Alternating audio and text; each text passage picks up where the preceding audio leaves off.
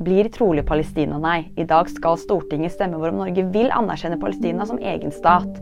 Midtøsten-ekspert mener forslaget kommer til å bli nedstemt, fordi en anerkjennelse blir mer en politisk markering enn det får reell betydning. Forslaget la Rødt fram allerede i mai.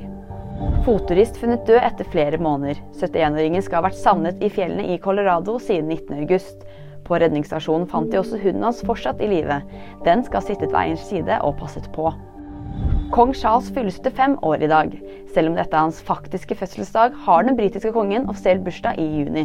Dagen i dag blir derfor feiret med nærmeste familie og venner. VG-nyheter fikk du av meg, Karline Aga.